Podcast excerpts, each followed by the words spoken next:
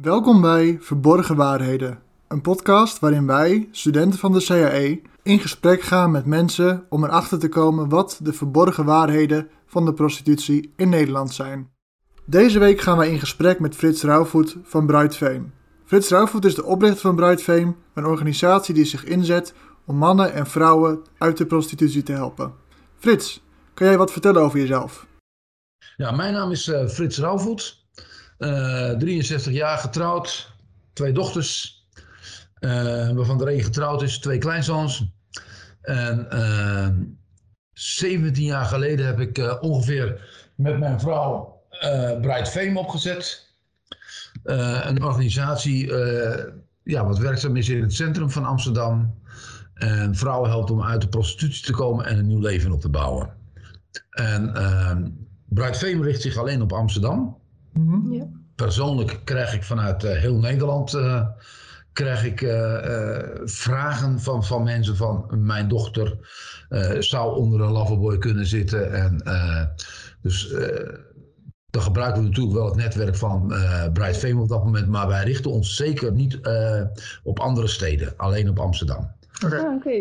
En dat doen we 17 jaar. En er hebben een hele organisatie is daaromheen ontstaan. Het is al best wel een tijdje, 17 jaar. Klopt, we zijn degene die het uh, langst aanwezig zijn. Tenminste, nee, ik ben degene die het langst aanwezig is op straat hier. Oké. Okay. Dus die zo lang op straat hier heeft gelopen. Het is allemaal een paar jaar. En uh, uh, ja. ja. ik loop hier al 17 jaar rond. Ja. Dus. Oh, vet. Hoe zijn jullie, zijn, ja, je, bent, je zegt net met je vrouw, heb je bedacht Bright Fame op te, op te richten. Hoe zijn ja. jullie daar zo bij gekomen dan? Nou, het was echt niet iets wat natuurlijk zomaar even uh, op een avondje ontstond. Nee. Uh, maar uh, ik kreeg altijd heel veel vrouwen uh, op mijn pad die op een of andere manier seksueel misbruik hadden meegemaakt. Daar sprak ik mee. ik luisterde naar ze. En nou, wanneer ze dat wilden, dan ging ik met ze bidden. En dan verwees ik ze altijd door naar een andere vrouw. Hè. Ik denk dat dat goed is. Vrouwtjes helpen vrouwtjes, mannetjes helpen mannetjes. Ik denk dat het een hele goede regel is. Ja. Totdat op een gegeven moment een vrouw echt voor mij kwam staan. En die zei van Frits, God, wist echt wel dat jij een man was. Hij maakt geen foutjes. En uh, ik wil met jou praten. Dan mag je eigen vrouw bij zitten. Dan mag een andere vrouw bij zitten. Dan mag mijn man bij zitten. Maar ik praat met jou. Uh, nou ja, goed, er zijn wat meer van, van uh, uh, aanwijzingen geweest dat, dat, nou, ik denk dat er echt wel dat ik er iets mee moest gaan doen. En toen kwam er een vrouw uit uh, Roemenië, of sorry, uit Rusland, Moermansk. Mm -hmm. En die wilde graag met een organisatie op start de, de, straat op en Russisch sprekende vrouw ontmoeten. Ja. En die hadden mij gevraagd, kan je dat voor me regelen? Nou, dat, dat, ik ken al die organisaties wel, dus ik regel dat voor je. Ja. En niemand wilde dat. En toen zei mijn eigen vrouw, ik denk dat jij mee moet gaan. Dus ik ben door mijn eigen vrouw naar de Red Light gestuurd. en, je ook niet ja, ik denk dat weinig mannen dat uh, kunnen zeggen. Ja, dat denk ik ook, ja. en, uh, nou goed, de eerste dag, ik wist natuurlijk niet wat ik tegen ging komen. Uh, ik was toen wel eens vanwege dakloos en verslaafde, maar keek netjes voor me uit om de vrouwen te respecteren. Ja, en nu moet ik ze aankijken, ik moet contact maken. Hoe doe je dat? Uh, gaan de vrouwen mij accepteren? Mm. En ik had eigenlijk ook niks te bieden, want ik was geen maatschappelijk werker. Ik heb geen juridische achtergrond. Uh, en uh, nou, dat contact maken, dat was niet zo'n punt, want de vrouwen die riepen mij wel van kom maar. Dus dat, dat was niet moeilijk. Dus... Ervaar jij uh, het oprichten van Bright Fame ook als een roeping? Nou, in het begin uh, niet zo. Er was wel iets van, van God wil hier iets mee. Dus dat was, maar niet zozeer dat. Ik, ik was daar niet, ik, ik was echt om, op straat om Sveta, zo heette dat meisje, om haar te helpen. Ik ken Ja. haar goed, anders ga je dat ook niet zomaar doen natuurlijk. Nee. En ehm uh, dus ik had echt iets van, nou ja, ik doe dit een paar keer en na drie maanden is haar visum afgelopen en dan, de, hè, dan, dan zit mijn taak erop. Ja. Ja. Maar goed, door de contacten die we kregen, de gesprekken die we hadden, had ik wel op een gegeven moment zoiets van: hé, hey, ik vind dit wel heel erg jammer om dit achter me te laten. En mijn vrouw staat er volledig achter, maar het is niet haar ding om zomaar hier over de straat te lopen. En uh, ze gaat er wel eens mee als we bloemen uitdelen, zoals laatst het kerstcadeau verleden jaar. Dat, dat, dat, zijn dingen, daar gaat ze mee. Ja. Als er even niemand anders is en ik wil, moet even afgeven of even, ja, iemand toch eventjes uh, spreken, uh, dan loopt ze even mee. Maar ja, het is niet haar ding. Nee. En uh, dan, dan, dan gaat dus die dame weg en dan kwam mijn schoonzus, die kwam, die wilde meelopen. En toen gingen er meer vrouwen uitstappen. En ja, ik denk dat ik toen wel meer stap voor stap echt die roeping ben gaan ervaren. Die was er al van tevoren. Stap voor stap rol je dan, eh, denk ik, wel steeds meer in je roeping en ga je het ook steeds meer beseffen. Ja. Zeker als de boel wat gaat groeien, er meer vrouwen gaan uitstappen, andere organisaties het niet echt accepteren wat wij deden. want wij waren niet professioneel, want we waren betrokken in het leven van een cliënt. Nou, dat mhm. is uit de boze, dat mag niet. En terwijl ik zeg, ja, wij hebben geen cliënten. Uh, dus wij hebben gewoon uh, contacten, relaties opgebouwd. En uh, dus wat jullie doen, moeten jullie weten. Wij brachten ze ook naar hun toe. En ja. nou, dat werd alleen maar moeilijker en moeilijker. ik mocht ook als man niet op straat lopen, dat, dat kon ook niet. Ja, dat lijkt me inderdaad best lastig. Als je als man dit soort werk gaat doen, lijkt me ook moeilijk voor jou om af te tasten. Um, wat kan ik wel niet maken, zeg maar. En, en hoe gaan ze op mij reageren en zo. Nou ja, ik denk dat dat natuurlijk, eh, dat, dat is een, een ontdekken. Ik, ik denk dat dat ook wel deels te maken heeft natuurlijk met de roeping. Uh, ik, A, ik geloof niet dat ik de enige man ben die hiervoor voor geroepen is. Ik zijn er echt wel meer. Uh, maar ik zeg ook niet zomaar alle mannen zomaar de wallen op. Uh, er lopen er al genoeg. Uh, dus, weet je, ik, ik denk als je gewoon jezelf bent, wij gaan als een mens naar een ander mens toe. En voor mij, kijk, ik ben niet blind als ik daar rondloop. Maar het is ook niet iets wat me op dat moment enorm raakt. Ik kijk ze in hun ogen. En ik probeer diegene te zien uh, wie ze van binnen is. Uh, anders gezegd, degene hoe God haar ziet. En uh, ja, kijk, zodra ik me op het lichaam ga, ga richten, dan, dan moet ik stoppen natuurlijk. maar nee, ik ben daar niet mee bezig als ik daar loop. Uh, wel van de politie wel eens wat geleerd om even heel snel toch even te checken op wat tatoeages op blauwe plekken of wat dan ook. Uh, als, als er, hè. Uh, Waarom dat dan? Nou ja, het kan zijn dat, dat een vrouw dus op dat moment een paar klappen heeft gekregen. Dat kan zijn van een klant, dat kan zijn van haar pooier. Ehm, een zogenaamde vriend. Ehm, Die tatoeages? Tatoeages, ja. Dat, daar is onlangs nog een programma op geweest op volgens mij uh, NPO 1 of Radio 1, dat weet ik niet precies of het nou op televisie is geweest of op de uh, radio. Uh, daar is nou een programma over geweest over tatoeages. nou, dat, om toch wel, oké, zien we bepaalde tatoeages terug. nou, het is vaak net achter het oor of ja, in de nek. Dus dan zie je niet 1, 2, 3. En ik ben ook niet degene om te zeggen van... hé hey, je haar zit lekker en wat zit er mooi. Dus. Maar goed, ik ga altijd met een vrouwelijk teamlid op straat. Dus ja, dan, dan kan je dat een keertje doen. En, uh, maar... Uh, dus uh, voor de rest, ik ben niet gericht op, op het lichaam. En ehm, inderdaad, eh, straatwerk is, is een belangrijk onderdeel. We zijn een christelijke organisatie, maar we zijn echt niet aan het evangeliseren. Dat is niet wie we zijn, wat we doen. Ehm, we zijn geïnteresseerd in onze medemens.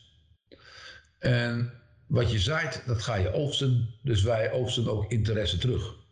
Ja. En dat is ehm, wat, wat we ook wel zien is dat, dat vrouwen, een van de andere organisaties echt afwezen van hé, hey, ik, ik ben aan het werk. En als wij komen gaat de deur open van hé, hey, wat leuk dat jullie er zijn. Oh ja je neemt altijd, al is het maar twee minuten, je neemt altijd even tijd, even je vrienden, even gedachten zeggen.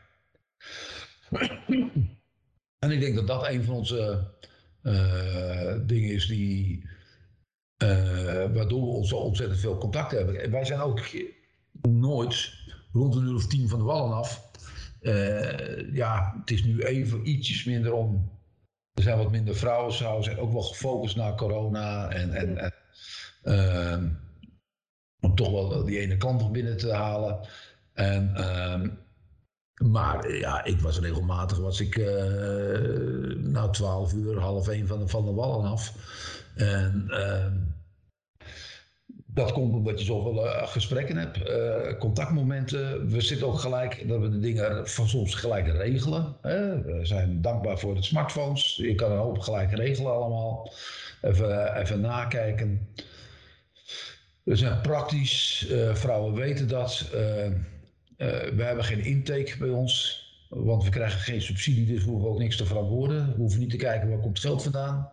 Ja. En er is een vraag en dan gaan we mee aan het werk. En dat weten de vrouwen. We hoeven ook geen, ik weet niet wat voor rapport, rapporten over te schrijven. dat vinden ze ook fijn. Dus het is allemaal echt super persoonlijk gericht op die vrouwen zelf. Niet per se heel veel zakelijke dingen eromheen die nog geregeld moeten worden, dat soort dingen. Nee. Als je bij ons kantoor binnenkomt, dat is gewoon gezellig. Uh, meiden maken hun eigen koffie. Uh, Frits moet je ook een bakkie. Uh, eens kijken in de koelkast, is er wat frisdrank. Kijk in de koelkast, is te beleggen. Pakken, dus het is een plek waar je je thuis voelt. Ja, en, en wel een open sfeer natuurlijk ook. Ik denk ook voor die vrouwen dat ze dan beter hun verhaal kunnen doen. Klopt. En uh, als jij met die vrouwen in gesprek gaat, uh, waar let jij dan op? Zeg maar, je had het net over signalen uh, als die tatoeages en die blauwe plekken, als ze zeg maar het idee van er gaat iets niet goed. Waaraan herken je nog meer dat er iets niet goed loopt bij zo'n vrouw? Dat is verschillend. Kijk, ik, ik, denk dat, dat de eerste gesprekken zijn natuurlijk al heel, gewoon heel open en elkaar leren kennen. Uh, zij mogen mij ook leren kennen. Dus ik ben ook open over mijn eigen leven. Als ik verwacht dat hun open zijn, moet je ook zelf open zijn. Wat je zaait, ga je oogsten. En uh, nee, ik vertelde dat ik vroeger verslaafd was aan gokken. Dat ik bij mijn baas uit de kassa moest ja, toch aan mijn gokverslaving te voldoen. Ja, dat ik het weet. Ik weet wat het is om te leven met schaamte, te liegen naar je vrienden en familie, eh, een geheim te hebben. Uh, angst voor de toekomst, ook geen toekomst te kunnen zien. Je schaamt je. Uh, anders als dat zij meemaken, natuurlijk. Bij situatie was anders. Maar toch, uh, ik, ik ken dat wel. Komt wel overeen natuurlijk. Je deelt wel, wel, wel uh, dat gevoel misschien. Ik, wij, wij zijn dus op dat moment ook niet de professional achter de computer. Ik al helemaal niet. Want ik heb nog steeds geen opleiding van maatschappelijk werk of wat dan ook gedaan. Ik heb wel een hoop ervaring. Maar ehm, we zijn gewoon met elkaar, elkaar in gesprek en je leert elkaar kennen. En wat wij zien is dat toch vaak in uh, ja, de professional blijft daar ronddraaien op zijn uh, niveau. Mm. En achter de computer. En hoe bedoel je, hoe vaak was je verkracht? En, uh, ja. en ja. wij zitten gewoon met elkaar te kletsen. En ehm, ja, wij als christenen, maar ook als zorgverleners, geven vaak de anderen het idee: ik sta hier en jij staat er ergens daar beneden. Dus het zijn gewoon hele open gesprekken en, en uh, daarin ga je vaak veel meer horen. Uh, en misschien ook wel dat ik als man daar een. Uh, ja, wij zitten emotioneel anders in elkaar. Dus ik, ook nog eens een keertje van: hallo, hey, dit verhaal dat, dat ken ik. Dat heb je al een paar keer verteld. Ik krijg nu een updateje. dat mag, ik wil naar je luisteren. Maar wat wil je nu eigenlijk? Ja. Ja, wat, wat wil je nou bereiken met mij dit elke keer te vertellen? Ja. En uh, of eens een keertje te zeggen van, hé hey, meisje, luister, ik ben je vader niet, maar ik heb wel twee dochters in jouw leeftijd. En ik ga nou iets als een vader tegen je zeggen. Ja, dan gebeurt er iets. Ja. ja. En dat kan je niet zomaar gebruiken. Maar je creëert wel een, een, een sfeer uh, waarin heel veel openheid is en waarin je heel veel hoort wat je anders niet zou horen. Ja. Ik weet nog dat ik een keer tegen een meisje heb gezegd. Uh, die zegt van ik schaam me zo, want ik ben uh, nou, geloof 31 op dat moment. En ehm, ja, ik schaam me zo. Kijk, ik, ik, ik, ik, zit in de prostitutie, ik heb schulden. Ik weet niet waar, ik, waar, waar, waar is het eind. ik heb een zoon. Uh, die uh, is al 11 jaar en straks gaat hij beseffen wat ik doe. Maar ik zou ook niet weten wat ik moet gaan doen. En eh, nou, ik heb haar levensverhaal gehoord. En hoe ze al, al die tijd toch heeft kunnen overleven. Hoe ze toch eh, elke keer ja, toch weer opkrabbelde. Dus op een gegeven moment zeg ik tegen haar, ik zeg, nou meisje, ik wil gewoon wat zeggen. Ik zeg, jij kijkt op die manier naar jezelf. Ik zeg, ik heb geen zoons. Maar stel nu dat ik een zoon had. En die kwam met jou, kwam die thuis. Van, hé hey pa, kijk eens. Dat is mijn vriendin. Ik zeg, als ik jou leerde kennen zoals ik je nu ken. Ik zeg, ik denk dat ik uh, echt dat ik heel erg blij zou zijn met jouw schoondochter. Ja, dan gebeurt er wel wat bij zo'n meisje. En, en in één keer is daar zo'n sfeer neergelegd mm -hmm. van ik durf te praten. Ja. En dan hoor je heel snel het verhaal achter het verhaal. Ja. Ja, mooi dat je dat dan zo voor elkaar kan krijgen door, uh, door dat vertrouwen ook te geven, zeg maar. Ja, en dan is ook bij ons de weg naar hulpverlening. Ge wij, gebruiken het woordje helpen niet zoveel, ook niet op straat. Want dat zet mij weer daar en jou weer daar ergens beneden. Hè, wij zeggen altijd van, hey, wij, wij kennen de weg hier, uh, we hebben er ervaring mee, we hebben mensen die hebben daar kennis van. Uh, vind je het leuk als, als, als er iemand even een keertje met je meekijkt van wat is nou, nou de beste keuzes zijn. Zodat hè, we je advies kunnen geven, dat je het op een rijtje hebt, zodat jij een keuze kan maken. In één keer ben jij degene die de keuzes maakt. Ja. ja. En uh, dat is wat anders dan dat iemand de boel voor jou even op een rijtje zet en zegt van nou, dit, dit, dit, dat zijn de mogelijkheden. Ja, precies. Je laat ze natuurlijk ook zelf echt in dat proces meewerken. Je bent zelf deel van het proces. Ja, precies. Ja. En, uh, en het leuke is, je wordt ook steeds meer betrokken in elke beslissing. Mm -hmm. Wat Ja. bij je? Want het is even samen even sparren. Wat zou, wat zou het beste zijn? Frits, wat denk je? Of uh, maatschappelijk werk? Want, uh, ik kan heel veel zeggen in zo'n gesprek zeggen. Ja, daar heb ik geen verstand van. Maar ik roep even Delilah erbij. Uh, ze is maatschappelijk werker. Uh, even vragen wat zij ervan vindt. Oh ja. Nou, Delilah komt erbij zitten. Hij heeft geen boekje, heeft niks bij zich. Uh, vraagt wel op een gegeven moment, mag ik even wat dingen noteren, zodat ik het even kan uitzoeken natuurlijk. Mm -hmm. En uh, hij maakt een afspraak van, hey, ik ga eens even kijken. En nou, dan, dan heb ik even een paar mogelijkheden voor je. En nou, als je wil, kunnen we daar samen naar kijken. Oh ja. Ja, je bent niet in één keer in een proces van hulpverlening. Je bent gewoon met mensen samen op weg om, om iets te maken van jouw leven. En die open houding helpt jullie ook om in gesprek te komen met vrouwen. Want uh, ik kan me voorstellen dat veel vrouwen ja. het, het, moeilijk vinden om erover te praten. Waar ik wel benieuwd naar ben, is wat maakt een persoon kwetsbaar om in de prostitutie te belanden? Wat, wat zijn kwetsbaarheden die je daar vatbaar voor maken? Um, ik denk dat dat. Er zijn een aantal factoren. Hè. We hebben de bekende factoren: armoede, uh, je kind een beter leven geven als dat jij zelf had. Uh, voor je familie zorgen. Uh, schulden die je hebt opgebouwd, dat, dat is ook eentje die, die we veel zien. Mm. ik denk dat een andere factor is wat we veel zien, is toch de social media natuurlijk, waar al heel veel op gebeurt. Kun je wat meer vertellen over hoe dat in zijn werk gaat via social media? Want voordat wij begonnen met opnemen, vertelde je daar kort wat over. Klonk wel heel interessant. Ja. Wat, wat, zien jullie op dit moment uh, voor ontwikkelingen uh, ja, in, in, de relatie tussen uh, prostitutie en social media? Wat, wat zien jullie daarin? Nou ja, kijk, ik denk dat het natuurlijk een supersnel medium is waar je ontzettend veel mensen kan bereiken. -hmm. En ook kan selecteren, die reageert wel, die reageert niet. Uh, ik denk uh, hè, uh, dat als je. ik zit veel Facebookpagina's van die meiden door te spitten. sommigen weten niet dat ik hun Facebookpagina weet. maar daar kom je wel weer tegen als je, als je gaat kijken, want ze kennen elkaar. En, dus, en dan zie je bepaalde linken in. Je ziet op een gegeven moment dat een meisje. die had bijna 5000 vrienden op Facebook. En uh, ik denk dat dat 80% van man was. Oké, okay, ja. Yeah. Nou, uh, de gemiddelde leeftijd was uh, dik over de, nou, ik denk wel 45. Ja, dan weet je eigenlijk al, jongens, hier zit ja. iets niet goed natuurlijk. Zij is ergens vatbaar voor. Ik hoef haar niet eens te kennen. Ik ken haar dan wel van achter het raam, ja. Maar dan, dan weet ik eigenlijk al genoeg. Uh, een meisje wat eigenlijk alleen maar een kleine vriendenkring op Facebook heeft en of volgers heeft op Instagram of waar dan ook, ja, weet je ook dat is niet iemand die nou een groot netwerk heeft. Nee. En dus die, ga je, die kan je gaan benaderen. En uh, nou, in Oost-Europa worden er echt ook uh, dingen aangeboden van joh, je kan wat extra geld verdienen. Als ze ouder zijn, ik kan je helpen. We hebben in West-Europa de mogelijkheden. Um, ja, want er komen best veel vrouwen in de prostitutie uit het oosten van Europa. Ja. Um, wat maakt Oost-Europese vrouwen zo ja, vatbaar voor prostitutiewerk?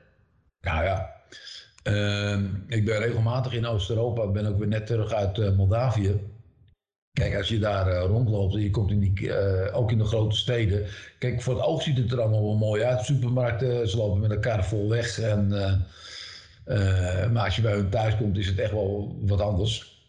Mm. zeker ook in de kleine dorpjes. ja, dat is armoede. dorpjes waar geen bank is. een bankpas hebben ze nog nooit gezien. een supermarkt is er al niet. Dus er is geen toekomst in zo'n dorpje. Zo voor de jongens niet en voor de meisjes niet. Uh, en je wereld is natuurlijk ontzettend klein. Dus ja, als er een keertje iemand binnenkomt en die, die rijdt in een mooie, mooie wagen. en die heeft ook nog een keer belangstelling voor jou. Ja. ja dan, ja, dan, ben je weg. En dat, dat gebeurt via social media ook, maar dan op een andere manier natuurlijk. Ja. Hij laat wat zien, hij staat bij zijn auto. Hoeft trouwens niet eens zijn eigen auto te zijn natuurlijk. En nee. Ja, hij laat jou verschillende dingen zien. En uh, joh, ik zou jou graag willen ontmoeten. Zou je willen komen naar, nou, neem in Moldavië naar Chisinau, de hoofdstad. En je gaat naar een, een wat exclusiever restaurant. En je gaat zitten, ja, het kan eigenlijk ook zo makkelijk gaan. Als je iemand een beetje inpakt, dan ben je er eigenlijk al. Dan ben je er al. En dat klinkt dat dan wel. Over je achtergrond, milieu. Dat kan hier in Nederland net zo hard gebeuren. Ja. Uh, hè, dat meisje wat gewoon uit een, uit een goed gezin komt, waar niks. Nou ja, er is overal wel wat, maar uh, wat, wat gewoon. Uh, ja, een, een, een normaal gezin is, misschien zelfs hè, met financieel wat meer mogelijkheden. Ehm, je kan dus gewoon benaderd worden en, en dus ingepand worden. En ze, ze zijn erop uit. Uh, nou, ik, ik ben uh, bestuurslid geweest van een, uh, van een basisschool. Daar stonden, ik heb daar de jongens gezien bij het schoolplein. Nou, die zijn geïnteresseerd in die meiden van groep 8. Die staan na de zomer op een ander schoolplein met andere wetten. Ja. ja en als jij altijd een beetje alleen was en je kon nooit echt meegaan in de groep. ja, dan op zo'n nieuwe school uh, daar komt in één keer een jongen uit groep 3 en die komt naar jou toe en die heeft interesse voor jou. Ja. Wat ik me afvraag is, uh, wij zijn natuurlijk vanwege onze minor ook uh, onderzoek moeten doen en we zijn ook naar het Prostitutiemuseum gegaan in Amsterdam. Um, en daar werd dan zo'n rondleiding gegeven, zo'n audiotour. En die vrouw vertelt ook dat heel veel vrouwen dan wel vrijwillig in de prostitutie terechtkomen vaak via inderdaad iemand uh, waar ze een soort relatie mee hadden of iets. En het klinkt dan altijd als het, alsof het dan vrijwillig gaat, maar hoe vrijwillig is vrijwillig dan in de prostitutie? Ik heb meisjes gesproken die in uh, Roemenië langs de kant uh, werkten. Mm -hmm. nou, buiten in weer en wind. En ehm, dan, uh, dan komt er een kerel die zegt van joh, jij bent zo speciaal en uh, je hoort die toch niet zo uh, buiten zijn de kou of in, in, in de hitte. Het kan zomaar boven Boekarest meer dan 40 graden zijn. ik kan je helpen, ik heb een mooie plek voor je en daar kan je heen en ik heb de contacten. Dus nou, dan komt zij naar Amsterdam toe, waar dan ook heen. En ja, ze werkt in een kamertje binnen. Uh, ze heeft een eigen appartementje. Thuis nu ze gewoon in, in één ruimte met het hele gezin. En oma zit daar vaak ook nog bij in. nou, dan heb je... je kan meer geld naar huis sturen. -hmm. dus alle omstandigheden zijn voor haar verbeterd. Ja. Dat hij ook geld krijgt, is logisch natuurlijk. Want ik zeg, joh, Ik zeg, maar je betaalt hem wel onevenredig erg veel eventjes voor een paar dingetjes die hij voor je hebt gedaan. Ja. En zij zegt, ja maar Frits, ik heb geen pooier, ik heb een goede manager. Ja. Vanuit haar gezichtspunt, ja, want eh, alle omstandigheden zijn eh, verbeterd en ze doet nog steeds hetzelfde werk. En zij bouwt een schuld op bij hem, want hij regelt hier de IND, hij regelt hier eh, de Kamer van Koophandel, hij heeft een appartement voor haar natuurlijk. Dat ze daar de hoofdprijs betaalt, dat hij er ook nog wat van krijgt, is een ander verhaal. Eh, hij heeft een kamertje voor haar geregeld. De boekhouder, die zo corrupt zijn als ik weet niet wat hier om die meiden heen. Dat- alles is geregeld en daar moet hij geld voor hebben. Nou, dat is altijd natuurlijk eh, veel te veel. Mhm. Dus deze dame die eh, eh, hierheen kwam om haar ja, familie te helpen voor, nou weet ik veel, een paar honderd euro. Die, die stuurt wel een paar honderd euro naar huis. Maar die zakt hier in één keer diep in de schulden en is afhankelijk geworden. Ja. Is dat de pooier die haar gekidnapt heeft, die haar met geweld erin heeft geslagen, die eh, haar naar een breakhouse heeft gebracht? Nee, dat is het niet. Eh, het is gewoon de goede manager. Ja, het voelt echt super dubbel. Want inderdaad, als je het zo uitlegt, klinkt het allemaal vrolijk. En voor haar inderdaad verbetert die situatie ook. Maar uiteindelijk komt ze wel in een situatie terecht die eigenlijk echt, ja, gewoon echt heel slecht is voor haar ook. Ja, natuurlijk. En ze heeft er helemaal geen verstand van. Zeker hè, eh, belastingen. Eh, weet zij veel dat ze 21% belasting moet betalen. Ja, Dus zij heeft op een gegeven moment geld naar huis gestuurd. Of eh, heeft een ticket geregeld. Dan kan ik ook weer eens een keer een paar weekjes naar huis. En dan komt de belasting in één keer met, eh, weet ik wat Ja. voor een bedrag. Nou, ik heb wel gehad als ze echt huilend daar stonden. Frits, ik, kan- ik, ik, ik kan mijn zoon niet zien in de vakantie. ja, En, eh, want de belasting komt en dan wil zij dat netjes afwikkelen.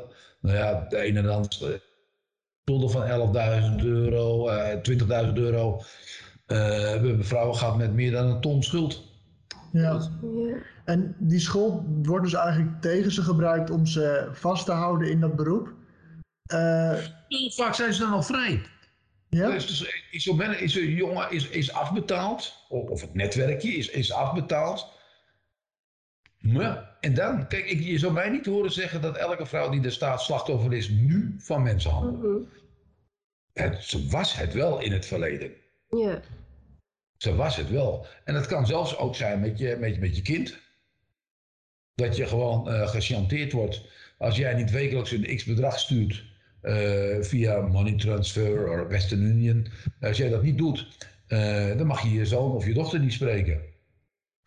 Dat doen ze dagelijks. Ik ben met meisjes, eh, op een gegeven moment zijn- met mijn vrouw samen zijn we thuis geweest. Eh, en nou, dat vond ze het leuk, want ze kreeg eh, vrienden. En daar staat gewoon zoals wij nu zitten, maar dat was toen via Skype, eh, staat het open. En zo is ze wat in contact met, eh, met haar eh, familie. En, eh, en haar zoon die loopt daar ook rond.